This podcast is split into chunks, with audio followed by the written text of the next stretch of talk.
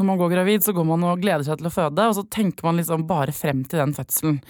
Men hva er det som egentlig skjer idet den ungen har kommet ut? Hva er det som skjer på fødeavdelinga, hva skjer på barsel? Hvordan er de første dagene, kanskje ukene etter at ungen har kommet ut? Det er det det handler om denne uka i Foreldrerådet.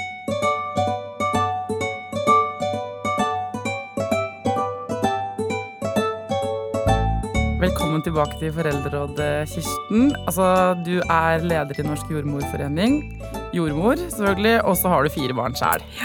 Du er altså eh, Rimelig kompetent type, eh, må jeg si. Altså, nå, nå lurer eh, flere lyttere på eh, hva er det som skjer. Fordi at det filmer, når man ser fødsel på film, så stopper det gjerne når, idet barnet har kommet ut og blitt lagt på brystet. ikke sant? Så er det kutt og happy ending og, og sånn. Men hva er det som skjer da? Og I det- virkeligheten? I virkeligheten. Og det er det vi opplever òg når vi har, eh, har gravide på kurs. det at de klarer, Fokuset det er fram til fødselen, når babyene kommer på magen. Og den tiden etterpå, det, det klarer en ikke å på en måte ta inn over seg. Det vi kaller barseltiden. For å si det sånn, Når babyen er født og ligger der på magen, hva skjer etterpå? For det, det jeg, eh, Og det er, jo, det er jo da omveltningen virkelig begynner. Det er, jo en, det er jo en fantastisk En ny familie er jo blitt født, og det er de skal begynne å fungere sammen. Og for kvinnen så skjer det jo òg Altså barselkvinnen, så skjer det jo en del fysisk. Altså, Kroppen skal i løpet av seks uker tilbake til sin normale tilstand. En har noen, På filmene så ser en jo at en stiger opp av fødesengen og magen er helt flat. Altså For de færreste er det jo det. De Ja, for færreste fotballfrue og folk på film, så var det sånn. Ja, Men ja. for de fleste andre er det jo ikke sånn. Nei, for de fleste andre har eh, se, Kan for mange lure Det har jo hendt at noen har spurt de etterpå Har du virkelig født? Ja, det gjorde venninna mi til naboen min. Hun kom ut med en bitte liten baby som var fem dager gammel. Og så sier min venninne Cecilie sånn Hei, så nydelig baby. Og så er du gravid igjen! Og det, og det var sånn før hun rakk å tenke seg om. Det, var, det ble dårlig stemning, altså. Ja, det er Men det tar jo Altså, livmoren skal jo trekke seg sammen. Og det, det kjenner jo Rett etter fødselen så kjenner jo kvinnene dette som de, de såkalte etterriene. Og det er kjempeviktig å ha at, at, at disse riene skal en på en måte ikke ta bort. De kan være litt vonde, og de blir ofte litt verre når en ammer. At når en ammer, så, så er det et hormon som frigjøres i kroppen, et stoff som frigjøres i kroppen, sånn at melken kommer ut, men òg samtidig virker på livmoren, sånn at den trekker seg sammen. Og det er viktig. Jeg skvatt kjempemye første gang jeg skulle amme. Jeg husker dagen etter at jeg hadde født, eller noe sånt. Så skvatt jeg altså så innmari. For i det, det var helt som på slaget, idet han tok tak i puppen Min flate pupp uten noe melk i, vil jeg også påpeke. Så var det som å få, det var som å få en sånn kjempekraftig sånn mensensmertekrampe, på en måte. Og jeg skvatt jo himmelhøyt. Og da fikk jeg vite dette her. Men det var det ingen som hadde fortalt meg Ja. på forhånd. Men hvis vi skal ta det helt For at, um, det er mye å snakke om. Fra Ja. det øyeblikket babyen eh, legges opp på brystet, hva er det som skjer da? Altså det vi, det vi prøver da, det er jo at babyen da med en gang skal klare å ta puppen. Med en gang. Ja, så fort som mulig. Og hvis du ser noen ganger, det har iallfall jeg sett sjøl, så, så søker babyen til puppen. Hvis en legger til rette for det. Så nå, noe av det første vi prøver, det er hvis kvinnene da ønsker, det er at de skal legge babyen til puppen. Og det at, det, at babyen suger på puppen, det gjør jo at livmoren trekker seg sammen, og morkaken løsner. For det som skjer òg, det er jo at i løpet av en times tid, så skal jo morkaken løsne. Men det kan faktisk gå iallfall en time før morkaken løsner etter fødselen. Ja. Så man får babyen opp, og så klippes det en navlestreng av enten en pappa eller Ja, eh, nå er det jo andre. sånn, nå er det jo sånn at det, det med klippe navlestrengen det, En periode så klippte vi med en gang. Ja. Eh, når jeg ble utdannet, så ventet vi til pulsasjonen var over, som vi sa. Og nå er vi tilbake der igjen. For det, Og klippe med en gang. Nei. Nei, ok, tilbake til pulsasjonen. Ja, at en venter til, der, til så lenge som mulig med å klippe navlesnoren. Så sant babyen skriker og alt er fint, så lar en liksom den snoren, pulsasjonen, altså en, eh, Det er jo sånn at det er, å, det er blodårer som pulserer i navlesnoren. Og det viser seg at det at babyen får den ekstra eh, til fødselen, det, gjør, det påvirker blodprosenten til babyen. Så det er gunstig for babyene. Du får litt lite shot på en måte på Ja, tampen der. en liten shot bra av blod. Ja. Sånn at det nå venter en så lenge som mulig. Altså Sein avnavling er kjempeviktig, og det er det samme i forhold til keisersnitt òg nå. Mange sykehus her i landet, iallfall der jeg selv kommer fra, praktiserer sein avnavling òg ved keisersnitt. Men jeg tenker det som er det viktigste rett etter fødselen, det er den nærheten eh, til babyen, og det å få babyen inntil seg. Og det praktiserer vi òg i forhold til keisersnitt. Altså hvis alt er bra, mor er våken og babyen er fin, så bruker vi å gå rett til mor og la babyen ligge på brystet. Mens en syr igjen etter keisersnittet. For nemlig denne nærheten, den tidlige tilknytningen, er så viktig for det videre samspillet mellom mor og barn. Og pappa. Hvor lenge får man ligge sånn da, med babyen på brystet? Man, vent, altså, man venter jo på at morkaken skal komme ut, og da kan det være litt sånn at de skal trykke litt på magen, eller passe på at hele morkaken kommer ut, ikke sant? Mm. Um, dette er jo den delen av fødselen det egentlig snakkes minst om. Det er fortsatt i fødsel, faktisk, Mm. Ja. når du får ut den morkaka. Det er etterbyrden, så vi sier. men, men da, jeg tror kanskje grunnen til at man snakker lite om det, er jo fordi da er jo oppmerksomheten til eh, den fødende kvinnen veldig fra livet opp. For der ligger det en baby, et menneske du har laga sjæl, og det er jo så sjukt. Um, og da, derfor så, Jeg husker at jeg var sånn bare det, jeg, Dere trenger ikke å fortelle, snakke til meg mer. Altså, sånn, gjør, for de informerte meg jo da hele tiden. Um, ja, nå skal vi vaske litt her, og nå skal jeg sy et par sting. ikke sant? Og, sånn. og jeg var sånn Trenger ikke å Det går greit. Hold på. Stolte. For jeg var så opptatt av det mennesket som jeg hadde fått ut av kroppen. da. Mm, mm, mm. Og, og det er jo viktig òg, altså det å ha fokuset på babyen der. Og det, det, det er klart at det, det gjør jo òg at For det at eh, en kan både ha etterier i det morkaken Det kan være vondt når morkaken kommer ut for noen, for det at en får litt sånn etterier etterpå. Eh, en er, som jordmor så er jeg jo òg opptatt av er det mye blødning. Er det noe jeg bør se i forhold til det? Ofte så når jeg klemmer da på livmoren for å kjenne etter, så syns mange det er kjempeubehagelig. Eh, og jeg må kanskje òg sjekke må jeg sy. Er det mye? Men det som jeg opplever, det er at når nå mødrene, for det hadde de jo ikke før, har babyen opptil, så blir de så som du sier, mindre fokusert på det som skjer. Ja, Da får dere endelig være litt i fred med jobben deres. Ja, ja for det, det, det, og, det, og det er så viktig da at en har fokuset på babyen, og prøver å slappe av i forhold til det som skjer. Men det er klart at det tar litt tid. Det kan ta en tide, time før morkaken kommer ut. En kanskje må være obs på blødning. Det kan, det kan noen ganger være at en må sy mer enn normalt. Eh, sånn at det Oftest er en Og en skal egentlig ligge vanligvis et par timer da på føderommet før en blir flyttet. Det er en lytter her som har sendt en, eh, et spørsmål. Jeg lurer på, Hva skjer etter at alt er ute? Reiser man seg bare opp, dusjer, legger seg i en ny seng og tar seg en brødskive? Ja. Og det er faktisk, er, det- er det sant? Ja. Jeg, ikke, jeg husker når jeg jobbet Helt i begynnelsen av min karriere, så var det, eh, var det en jordmor der som kom fra Sverige. Så, så, ville, så tok kvinnene rett opp i dusjen. Fra, fra fødesengen, altså når det har gått to timer, så kjørte, de, kjørte kvinnen rett i dusjen. Og vi var storforferde over at det kunne skje. I dag så er det helt vanlig. Vi ønsker at de så fort som Det er jo mange som går fra føderommet over på barselavdelingen hvis det er i nærheten, f.eks. på kombinert. Går selv, ja. Ikke blir kjørt. selv, ikke blir kjørt.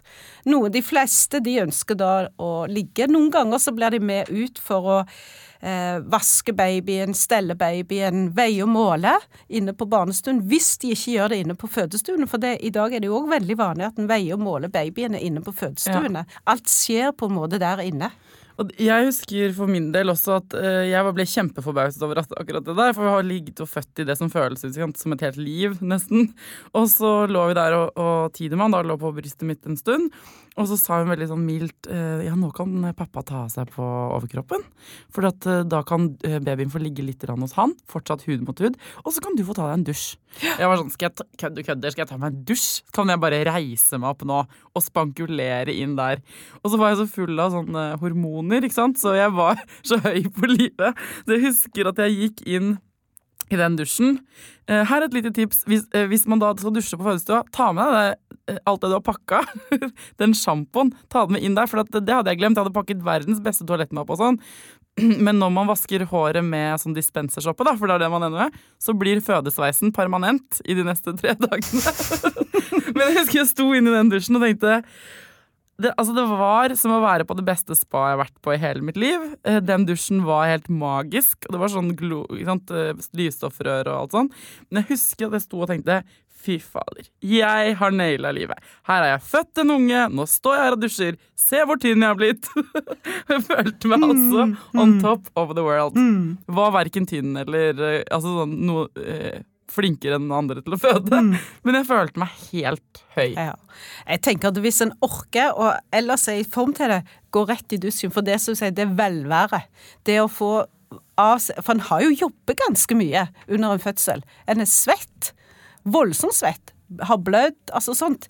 Det å få dusje, det å få stelle håret med god sjampo, så sånn sett er det jo viktig å ta med seg det som en sjøl ønsker av smøre seg. Altså, jeg, jeg husker sjøl dette med velvære fysisk. Altså stelle litt med, godt med kroppen sin. Er Du har gjort noe helt rått, liksom, så Ja. du fortjener jo det. Ja. Det er jo ikke krise, selvfølgelig. Hadde, det var helt kult å ha den fødesveisen i tre dager og sånn, men, men det er tips å ta med deg noen toalettsaker inn på fødestuen. Og så eh, får man ikke lov til å tørke seg i tissen etterpå. Altså, å, altså, du må være litt forsiktig med sånn, du får ikke lov å skrubbe deg tørr med håndkle. Det, det kan man jo si noe om, for det er også litt sånn rart. Ja da, og det er klart, hvis, spesielt, det er jo spesielt hvis en har sting. Så skal en være litt forsiktig med å på en måte være hard. Altså Nå er en jo veldig sår nedentil òg. Altså, uansett om en har sting eller ei, så er en jo veldig sår nedentil. Sånn, eh, det å være litt sånn forsiktig med underlivet og la det på en måte få, få, få gro til, er viktig. Og Lufttørke, liksom. Ja, sånn at det ikke går med for store, tette bind hvis en har sting. Uh, lufttørre, skylle med hånddusj. Bare, eh, er den måten en på en måte holder seg rein. Og bare dynke med litt sånn dopapir, om så for å Forsiktig, tørke seg. liksom, ja. Forsiktig å tørke seg. Det er ikke noe vits å ha sånne stringtruser, for eksempel, med på sikset. For du skal Nei. gå i bleie i noen, Ja. en uke, i hvert fall. Ja, eller om- kanskje mer. Ja, mange blir jo forferdet hvor, hvor mye en blør. Ja. tidlig at en, en har jo gjerne en rikelig menstruasjonsblødning de første dagene, og så vil, skal det på en måte avta eh, etter hvert, og en blir litt mer sånn slimblødning og litt det som jeg opplever at eh, kanskje etter noen uker så har en fremdeles en ganske sånn utflod-lignende En stygg utflod. Heter det- ikke renselsen, denne her delen? ja, den heter renselse, og det, den, den varer for mange gjerne opp til en måned til seks uker. Og mange kan ha på slutten Det skal jo gradvis avta med blødning i løpet av den første uken. Den er gjerne frisk i løpet av de første dagene, så blir den litt mer brunlig og litt mer slimete, altså utflodaktig. Eh, jeg husker selv òg, men òg noen forteller at det, når det har gått noen uker, så kan de ha en veldig stygg lukt av utfloden. Ok. Ja, og det er òg veldig normalt. Så sant en ikke har feber. For Ja. en feber, så skal en ta kontakt med lege. Og så bruker jeg òg å si det at eh, den eh, Du har jo hatt en morkake som har lagd et stort sår i livmoren din. Og dette skal på en måte gro igjen. Sånn at det er jo det som er renselsen. Når du kommer hjem etter en sånn ti dager etter fødselen, så kan en plutselig få en sånn veldig frisk blødning. Ikke vær redd for det, for det er helt normalt. Det er liksom sånn siste renselsen. Mm. Det er jo kroppen skal ja, rydder opp, ikke sant? Den jobber opp. hardt inni Ja. der da, for å bli, at livmoren skal trekke seg sammen Ja. til å bli liten igjen. Og, Og mange da ringer, har jeg opplevd ringer på føde. Du er blør friskt plutselig. Mm. Hvis det varer bare en dag, og det går over, en dags tid eller så, så er det helt normalt. Men går en med vedvarende friske blødninger og får feber, så skal en søke lege etter fødselen. Sånn, eh, men, men hele barseltiden den er jo faktisk seks uker. Mm. Og det skjer store omveltninger i kroppen. ja, hvis vi skal ta det videre, da, for da, når du har, la oss si, du har dusja, vært et par timer på fødestua, der hvor liksom babyen har kommet ut, du har gått inn som én kvinne, kommet ut som to personer, kanskje til og med tre. Ja, du har du, har, du har født en familie! Du har født noen nye verdensborgere, og så, blir du, eh, så er det ikke der du skal være de neste to dagene eller neste døgnet. Være, da drar du på barsel. Og barsel er jo der sant, alle som har født, kommer med sine barn. Og det er litt forskjellig praksis. Noen har sånn Ullevål sykehus har jo sånn fødehotell, og det er sikkert flere steder hvor de har det. Og, så, og da har man jo sitt eget rom og et eget opplegg. Eller så er det en barselavdeling. Da er det jo eh, sikkert noen enerom, og det er mange, mange rom som er sånn hvor man ligger to kvinner eller eh, ved siden av hverandre. Det er litt forskjellig avhengig av hvor du bor. Det må Mm. Ja. man nesten bare høre med sitt sykehus. ikke sant? Mm. Men er, hvordan er livet på barsel? Jeg husker bare at det luktet havregrøt. For det ble servert. Oh, yeah. Eh, For det var sånn, det er bra for ammingen og frokosten. Mm. Det lukta hele tiden sånn varm Det var varmt, og det lukta litt sånn havregrøt og trygt. Mm. Det er mitt minne fra barsel. Havresuppe husker jeg vi hadde før i tiden. Ja, det var grøt og suppe. To Ja. forskjellige Mm. typer. Ja. Og det, det, var, det er liksom anbefalt i forhold til amming. Og, og ja, hvordan er livet på barsel? Nå er jo, jeg tenker jo at livet på barsel er veldig mye annerledes i dag enn det var for uh, en del år siden. Mora mi fikk champagne og sånn. Ja. Nå eh, Altså jeg, jeg tenker at nå må en på en måte gjøre det meste på barsel sjøl. En må finne mat, en må ordne med babyen. Altså dette her med eh, Vi som, som altså, jordmødre og barnepleiere, vi på en måte støtter opp om barselkvinnen. Hjelpe, legge til rette for amming, legge til rette for stell. Vi, altså, vi er mye mer som veiledningspersoner i forhold til før, hvor vi gjorde oppgavene for kvinnene. Altså, hvor kvinnene både mottok babyen ferdig stelt og ja, sånne Fikk ting. saks ferdig, liksom. saks Så er man liksom overlatt ja, til seg selv, men, eh, men, men med masse støtte rundt, da. Ja. Og det er mange som gratulerer. Alle man møter, gratulerer deg med å ha fått barn. Husker jeg det? Ja. Jeg tenkte sånn ja, hei igjen, ja, gratulerer. Takk, takk, takk. takk. Ja, Det var ja. veldig koselig. ja. Og så eh, er det jo Skal man jo være praksis ett døgn? To døgn? Ja, nå, nå er det jo sånn at det er toppen to døgn rundt omkring i landet. Men Altså, det er noe. eh, ja. Nå tenker vi friske barselkvinner med friske barn. Sånn, så ligger det vel gjennomsnittlig på 48 timer etter en fødsel nå, Mm. hvor en ligger inne. Det er veldig kort tid. Nei, I min tid så lå vi en hel uke og fikk alt servert. Sånn at det, det barsel, det, det, det er derfor det er så viktig å ha hvilt på forhånd så godt en kan. At en på en måte, For barseltiden kan jo være ganske Altså det er en stor omveltning. Et barn som krever deg eh, når behovene er der. Det er ikke sånn at du bestemmer lenger over døgnrytmen. Og, og det kan for mange Det som jeg opplever at mange er litt uforberedt på, det er at eh, de ikke får sove. Så, Ja, det er jo utrolig, hvor man hører jo bare det. At man Ja. ikke får sove. Det er det eneste folk sier til deg. Og nå skal du ha barn, nå kommer du aldri til å få sove Ja. igjen. Mm. Um, men så skjønner man ikke helt hva det betyr, tror jeg. Mm. Fordi at uh, døgning tidligere i livet har vært knytta til fest og moro og, og sånne ting, og så har man kunnet ta seg inn igjen. Mm. Um, og det er jo um, Samtidig så er det jo noen som får sove, og det går helt fint. Ja og alt det der. Men når man er på barsel de to første dagene, da, mm. hvis man sier det er 48 timer, så har man jo altså da eh, Da er det mennesker der som, som kan hjelpe deg med det, hvis du trenger å hvile. Ja. Jeg husker at jeg en natt eh, Jeg ville ikke gå fra midten unge i det hele tatt, og så uh, trilla jeg litt rundt eh, i gangen midt på natten. Og så, for han sov ikke da. Og så var jeg kjempesliten, og så kjører, og dette var før jul, så kjørte jeg forbi kontoret til jordmødrene, og der var det stearinlys, og så, var- eller sånn der dunkel belysning, og så var det pepperkaker, og så satt det fire voksne damer med én baby på hvert lår. Altså de hadde åtte babyer som de satt og koste med, og så var det helt sånn rolig stemning. Så er det sånn Hallo, hva skjer her?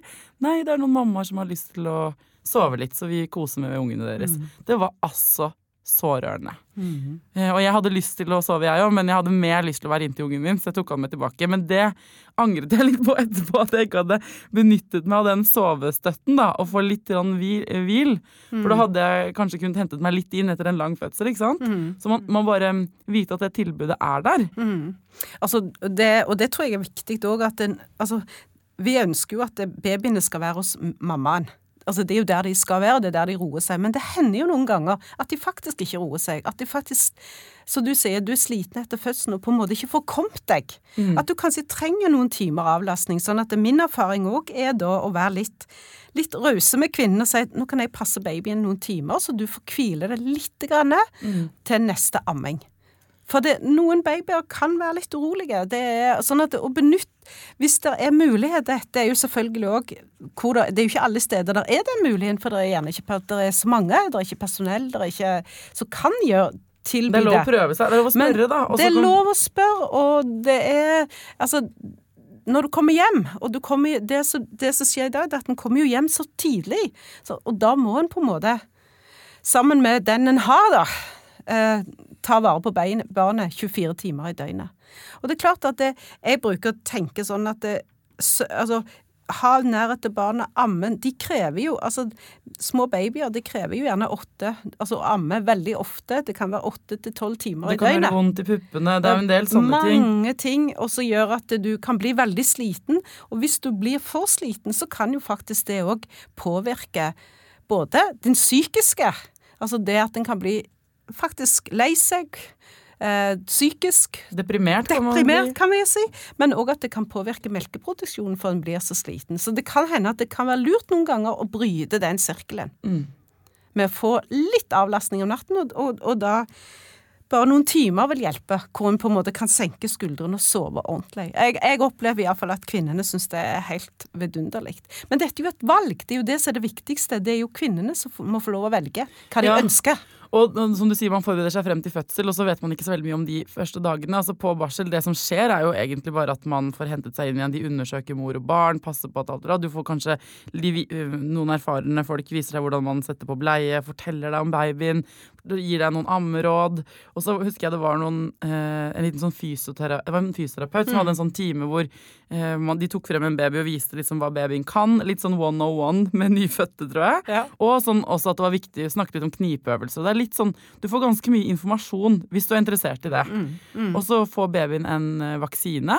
Er vel vanlig, eller? Nei. Nei, de får ikke det, nei. Ingen sånne ting. Det var kanskje fordi at mitt barn fikk gulsott, så han var inne på så fikk noe, det var noen sprøytegreier. Ja, da sjekker altså hvis, han fikk, hvis babyen altså Det hender jo at noen babyer, selv om de er friske og raske og alt mulig, kan få litt sånn opphopning av eh, blodprosess Altså blod altså det, det blir en eh, At det kan bli litt opphopning av det, det, det vi kaller gulsot i blodet. Det er jo farlig, men en måler jo verdier, da. Og hvis den verdien overstiger det en egentlig bør ha, så blir de lagt i lys. Men Ja. da er det jo blodprøver en For å tar. sjekke det. Ja, det husker jeg. Da fikk han sånn sukkervann eller noe i munnen. Ja, eller de gir vann. Eller ammer ofte hvis den har nok melk. De, men de blir bare Han blir bare sånn nøttebrun og kjempefin fin av det. Ja. Og så- men vi måtte være en dag lenger. Og det er jo sånne forbehold. ikke sant? Man kan godt si 'jeg skal hjem den dagen', men nei, da vil de se han en Mm. døgn til, så da har vi ett døgn til. Og så kommer man jo hjem, og den følelsen av å komme hjem, er det jo, sant? da er du on your own. Mm. Eh, og det er mange jeg har snakket med, og flere som har sendt eh, mailer om det også. For den der, å stå der da og tenke sånn OK, nå er jeg ansvarlig for dette barnet. Det er bare meg og pappaen eller den andre mammaen eller hvem det nå er, da, som, som skal passe på at dette her går bra. Oh, wow, vi har jo aldri gjort det før, kanskje. Eller, ikke sant?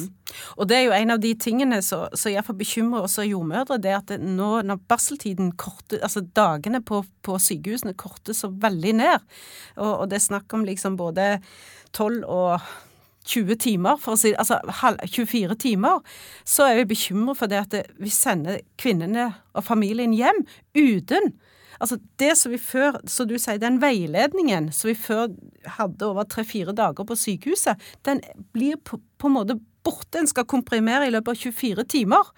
Eh, sånn at det, eh, det er jo laget retningslinjer av Helsedirektoratet som sier noe om at det, det skal tilbys hjemmebesøk av jordmor når kvinnene kommer igjen. Og det jobber vi kjempemye med Den norske jordmorforening, nettopp for å få nok jordmødre ute i kommunejordmortjenesten som kan være på for kvinnene når de kommer Ja. hjem. Famil den nye familien. Kom hjem og støtte dem med amming. Og òg det som Altså, jeg tenker vi er veldig opptatt av amming, og det er kjempebra. Men det er nå faktisk en stor omvending i kvinnens kropp. Det er altså ta på alvor at du har vært gjennom en fødsel, og kroppen skal tilbake oss eh, til det den var før du var gravid. Det, det med barseltiden er jo kjempeviktig, både fysisk, men òg psykisk.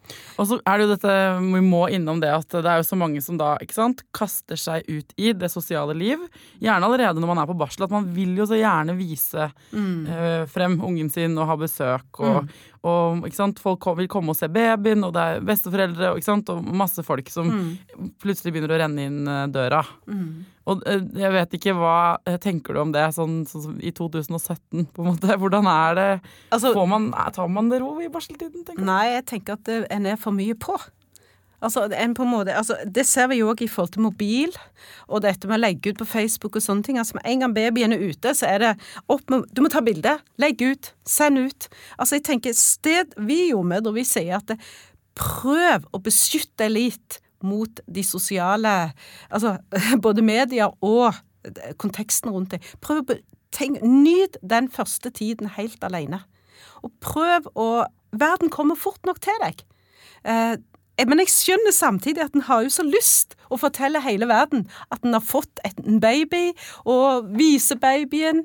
Eh, sånn at det, det er en, en balanse. Men jeg, jeg, jeg, jeg, tenker at det, altså, det barseltiden skal en ta litt mer vare på, og beskytte seg mot eh, all besøk. Altså, hos oss så la vi det om visitten med at ikke bare kun pappa og søsken fikk komme på besøk på føden. Mm. Nettopp fordi at en skulle ha den roen. For det er ganske stressig når en hele slekten og venner kommer de få dagene ned på barsel på besøk. Jeg tror det var den policyen da jeg fødte òg, men jeg lurte meg unna.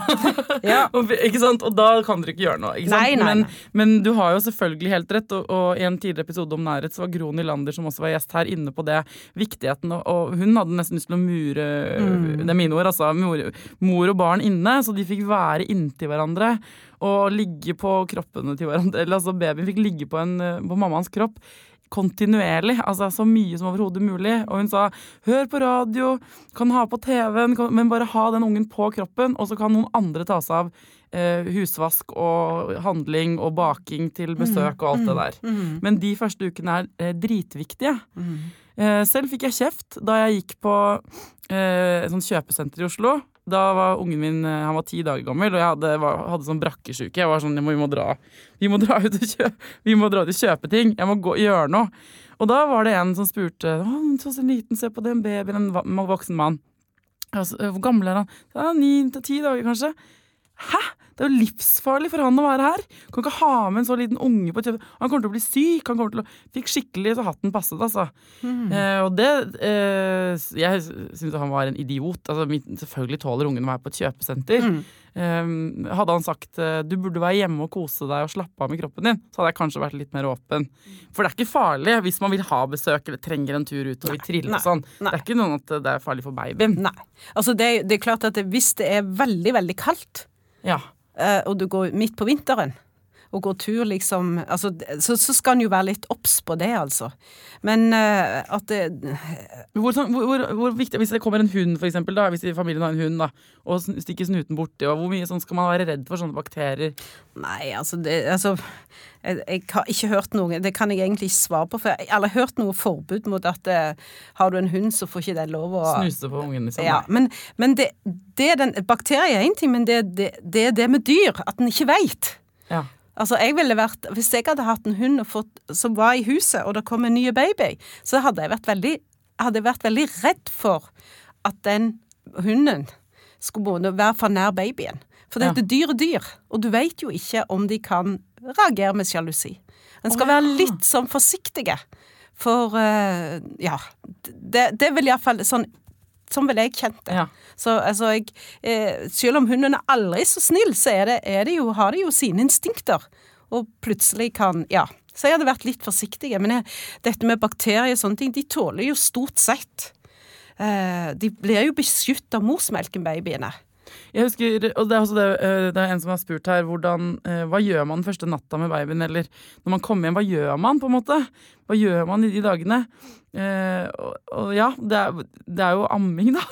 ja, altså det, det, er jo det, det jeg prøver å si òg, at det, er ofte det er det som forundrer folk, eller kanskje noen det, det, blir så annerledes enn han tenker. For det er ikke sånn at en kommer hjem, og så ligger babyen der, og så sitter jeg der. Altså, det er de første ukene, sånn som jeg sjøl òg opplevde, syns jeg det var eh, Det ganske mye det kan være hardt. Det kan være hardt arbeid. Jeg gikk i flere dager rundt uten bukse, for jeg hadde ikke tid til å ta på meg bukse. Jeg husker at jeg sjøl hadde jeg, eh, jeg, begynte på skole. Jeg skulle gå et studie, for jeg tenkte at eh, jeg får så god tid når jeg har bare et barn hjemme, og hva skal jeg finne på alle de timene?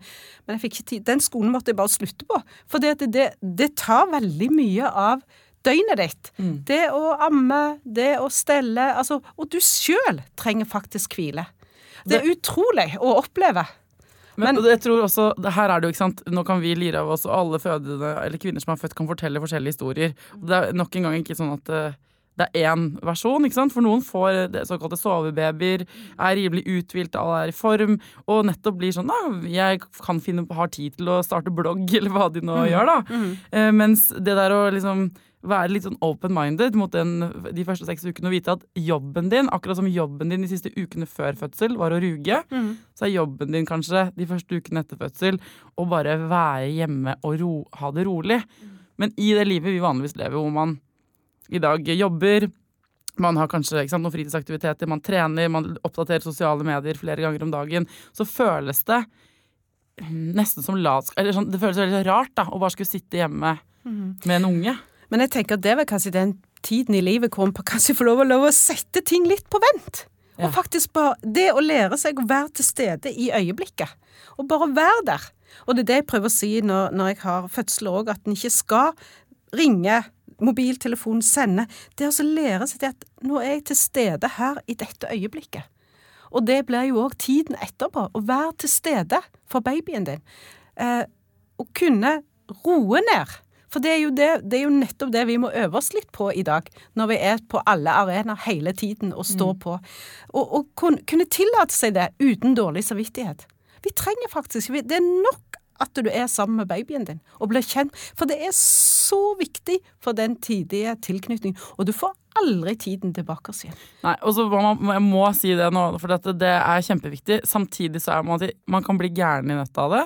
Det er lov å gå seg en tur. Ja. Eh, Det er lov til å stikke av gårde og drikke, drikke en kaffe med en venninner. Altså, det at det er kjempefint for babyen å være inntil kroppen hele tiden, det er, det er veldig bra og- i det store trekk. Man har lov til å ta pauser her, altså. For at du kan, man kan bli klin kokos bananas. Og noen klenger jo for første gang.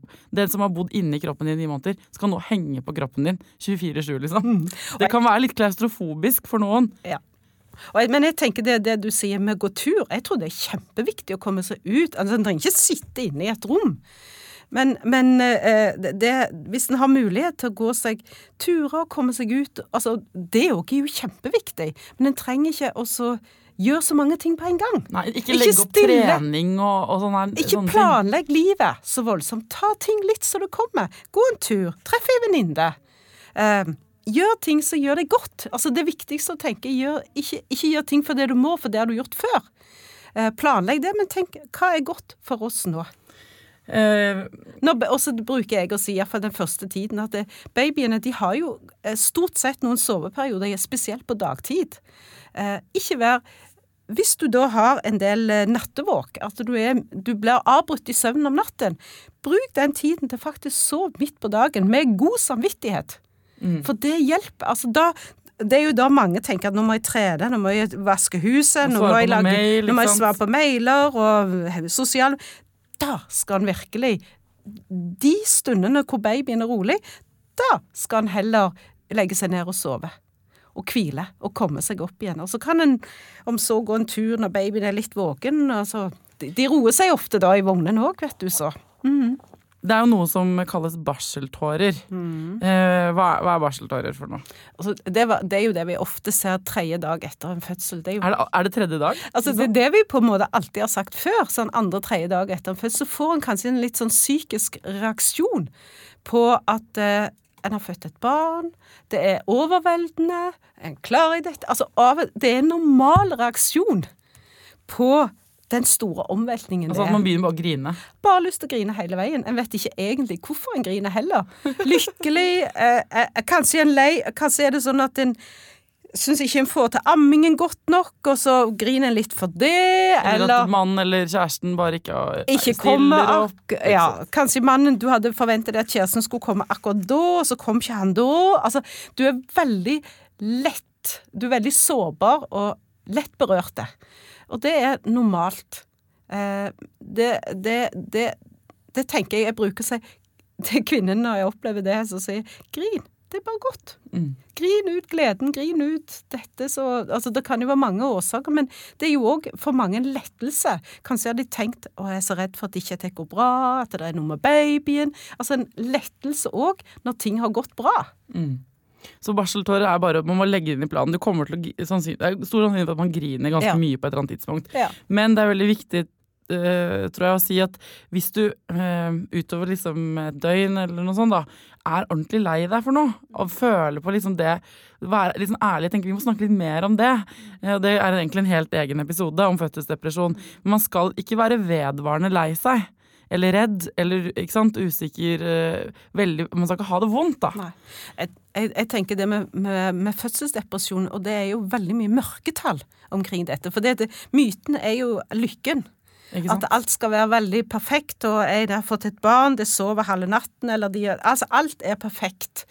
Eh, så er en egentlig veldig nedstemt og så vet en ikke hvorfor den er nedstemt. Mm. Og det vedvarer. Og da tenker jeg, her er det mange Vi vet at mange strever eh, mye mer enn vi egentlig tror. Og, og, og, og, altså, det er en del mørketall, sånn at det, det å ta kontakt med helseapparatet Hvis du går med vedvarende nedstemthet, er kjempeviktig. For det er hjelp å få. Ikke sant? Og så trenger du ikke å vente til du er helt sikker. Tenk sånn, ja, Hvor vedvarende skal det være? Jeg trenger ikke å gå rundt og være lei deg i ukevis. Ta kontakt med en gang, og så kan det heller bare gå over. Mm. Men det å få hjelp litt tidlig hvis man faktisk er skikkelig, har det skikkelig mm. dritt, mm. det er kjempeviktig. Mm. For du er jo ikke bare sliten og født og får lite søvn. Du, også, du, er også ansvarlig for et nytt menneske. da. Mm. Så du, treng, du, er i en veldig sårbar situasjon da, hvis du faktisk er ordentlig lei deg. Mm. Så det er kanskje det tidspunktet i livet man all, altså, Det burde alltid være lav terskel på å søke hjelp, tenker jeg da. Eh, og man burde alltid prate med folk og sånn, men det er kanskje enda lavere terskel mm. for å snakke med noen eh, fagfolk eh, hvis man bare lurer på om jeg kanskje kan være litt mer deprimert enn det som er vanlig, eller litt mer lei meg, bare. Mm. Og mange syns etter hvert det er ganske overveldende å ha ansvar for babyen. Og så skal du lage en ny familierelasjon, og det òg i forhold til den partner du har, kan òg være eh, Altså, den eh, relasjonen skal òg på en måte få ny dimensjon. Mm. Eh, og det òg Altså, det å snakke sammen altså Det kan være veldig mange ting som spiller inn i at en kanskje Kanskje klarer en ikke snakke sammen, kanskje har en ulike forventninger. Eh, menn har gjerne litt andre forventninger til kvinnen etter fødselen. Apropos en, menn, så, uh, så på tampen her tenker jeg vi må ta med det. For at, i den renselsesperioden, de første seks ukene, så skal man jo ikke trene noe særlig. Man skal, man skal være litt forsiktig. Man, kroppen driver og mm, skal få alle på plass igjen. Man skal ikke ha sex. Altså, man skal ikke ha penetrerende sex. Nei, altså det, det vi, vi, Og der, der er det jo mange Altså, vi er jo forskjellige. Eh, jeg har jo hatt kvinner som sier du, til meg som kommer i barseltiden du, jeg har nesten ikke Jeg har ikke blødninger, ikke renselse, jeg hadde ingen sting. Det har gått en måned, kan jeg ikke ha Jeg har lyst til, har lyst til å ligge med mannen min. Ja. Da sier du tommelen opp, sier du. Ja, selvfølgelig. Men så er det jo òg noen kvinner som sier vet du, jeg har mistet lysten. Og, og det, jeg, jeg, skjønner ikke hvordan jeg skal få det til. For det, det, det er klart at ammingen er er både fordi at du har en nærhet Du har jo et barn på brystet. Eh, det er en nærhet det er jo på en måte en, en seksuell nærhet, det òg, å ha babyen på brystet. Du sa seksuell i gåsetegn, bare. Ja, bare så dere vet det. Men det er faktisk noen som sier det. Det er jo Og, og da eh, en, Det å ha, få en, altså en mann som på en måte òg krever sitt, det kan for mange kvinner være ganske Det tar tid. Pluss at den er veldig eh, Noen strever òg med tørre slimhinner. Det kan faktisk gjøre vondt med sex når en er i den eh, mest hyppigste ammeperioden, hvor en produserer mest melk. Eh, så, og det kan du få hjelp til dette med glidemiddel, og tenke på det òg, hvis, hvis, det er vondt pga. Eh, tørre slimhinner. Men jeg, jeg opplever at det, det, faktisk kan ta litt lengre tid enn en ta, tror, og det òg er helt normalt, før en er klar for eh, sexlivet igjen. Og er, da er det veldig viktig at en som par snakker sammen og gir hverandre tid. Ja, for det, det, kan jo være, hvis det er en mann, man er sammen, da, være litt frustrerende for han. ikke sant? Får ikke noe oppmerksomhet ja. det. Vi har mm. faktisk laget en egen episode om ja. parforholdet det første året etter at de har fått barn. Mm. Den kan dere sjekke ut med en uh, fyr som heter Thomas Winther. Nydelig type. Uh, og Der er det mange gode råd. For, uh, for langvarig parforhold, og man vil jo ofte gjerne være en sånn kjernefamilie livet ut, da, i den romantiske drømmen, da er det lurt å ha ett øye på partneren òg. For det er mange som føler akkurat det klaustrofobiske. Herregud, nå ammer jeg en unge hele dagen. skal han han liksom komme bort og mm. henge seg på meg om kvelden. Jeg orker ikke det. Mm. Eh, og så er det noen eh, som sjelden, men det hører man også om, som opplever sånn kjempelyst. Ja. Og som eh, sant, vil ha nærhet mer enn noensinne. Mm, mm. Og alt dette her er helt normalt, da. Mm, alt er normalt. Her er det mange varianter, og det viktigste å gi seg det, Altså være åpen for det meste. Men så tenker jeg òg at det det å gi seg tid, men òg eh, faktisk òg eh, Sånn som jeg bruker å si til kvinnene, at det, eh, prøv å sakte, men sikkert nærme deg. Altså, det, ikke bare avvis mannen. Eh, vær ja, eh, nærme deg han på en måte. Ja. Selv om du tenker at det kanskje ikke har lyst, jeg er for sliten, jeg har babyen, så, så tror jeg det er viktig for å styrke parforholdet videre. Jeg må sitere han eh, Thomas Winther fra den andre episoden, for han sa det er mye, sa, det er mye mellom null og knull. Det er flere å si. Eh, og det er jo um, Trenger ikke å utdype det noe nærmere, egentlig. Men um, det viktigste, da, hvis vi skal oppsummere, i barselperioden Nå har dere fått ganske sånn spesifikke detaljer. Nok en gang tenker jeg at det blir ikke nødvendigvis sånn som du har sett det for deg, sånn som venninna di hadde det, eller sånn som moren din fortalte deg at det skulle bli. Så vær litt åpen for eh, både det ene og det andre. Hvis du er lei deg eller blør er usikker på et eller annet ikke sant, i forhold til om det er kropp eller eh, hjerte eller sjel eller hjerne, så kan man bare ta kontakt. Eh, og så er liksom hovedrådet, så vidt jeg har forstått, eh, å finne en ro. Være sammen med ungen sin, finne en ro, gjøre noe som funker for dere. Vær sammen som familie. Tusen, tusen takk for at du kom til foreldra Kirsten. Takk for at jeg fikk komme.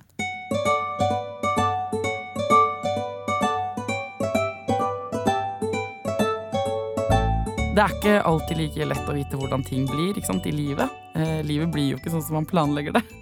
Det blir heller ikke oppdragelsen av den ungen du akkurat har født. Eh, og det fortsetter jo hele livet, ikke sant. Vi er jo ansvarlig for de kidsa våre dritlenge. Um, da er det jo deilig da, å dele eh, historier om ting vi gjør som ikke går helt etter planen. For at, eh, det er ikke bare du eller jeg som opplever at ting ikke blir helt sånn som vi ser for oss. Nå eh, skal du få høre Leif Erik fortelle om en dag i pappajobben han eh, følte han ikke helt naila. Jeg har ei eh, datter på 14 år, eller 14 og et halvt, eh, viktig for henne. Og i likhet med mange på hennes alder, så er dette med antrekk i klærne er fryktelig viktig. Og det, det, så plutselig en morgen hun står og, og gjør seg i stand og skal gå på skolen, så, så roper hun 'Pappa, Hollister-genseren min, hvor er den?' Den ligger i skittentøyet. Nei, men det er jo krise, for den, det var den jeg skulle ha til denne buksa. Og da tenker jeg, ja, men du har jo masse andre gensere du kan bruke. Nei, det er den jeg skal ha. Jeg, altså, jeg er sikker på at det er mange som kjenner seg igjen i den situasjonen. Men den lå i skittentøyet, det var flekk på den, og hun kunne ikke bruke den. altså. Og da måtte jeg bare si det at jeg beklager. Og jeg var virkelig lei meg for at jeg ikke hadde gjort det. Jeg hadde liksom tenkt jeg skulle vaske den sammen med noe annet sånn i samme uh, kategori, og så, så ble det ikke gjort. Men jeg kan love deg at den vaskemaskinen, den gikk den formiddagen. Fy fader, det er ikke lett med teenagers, ass. Altså, jeg er ikke der enda i mammakarrieren min. Det er en stund til. Jeg gruer meg allerede. Hvis jeg gjør så mange rare små feil allerede nå, tenker jeg sånn hvor eh, Hvor mye kommer jeg til å slite når ungen min blir tenåring? Ja, den som lever får se, si.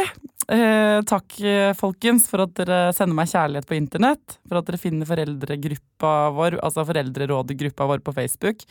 Tusen takk for alle stjernene på iTunes. Jeg elsker dere for det. Eh, send meg gjerne meldinger eller mail. Dere veit at jeg liker det. ikke sant? Oppmerksomhet og innspill og råd og ros og ja, ris òg, faktisk. Blir glad for det òg, jeg. Til neste gang, ta vare på ungene deres, ta vare på dere sjæl, og lykke til.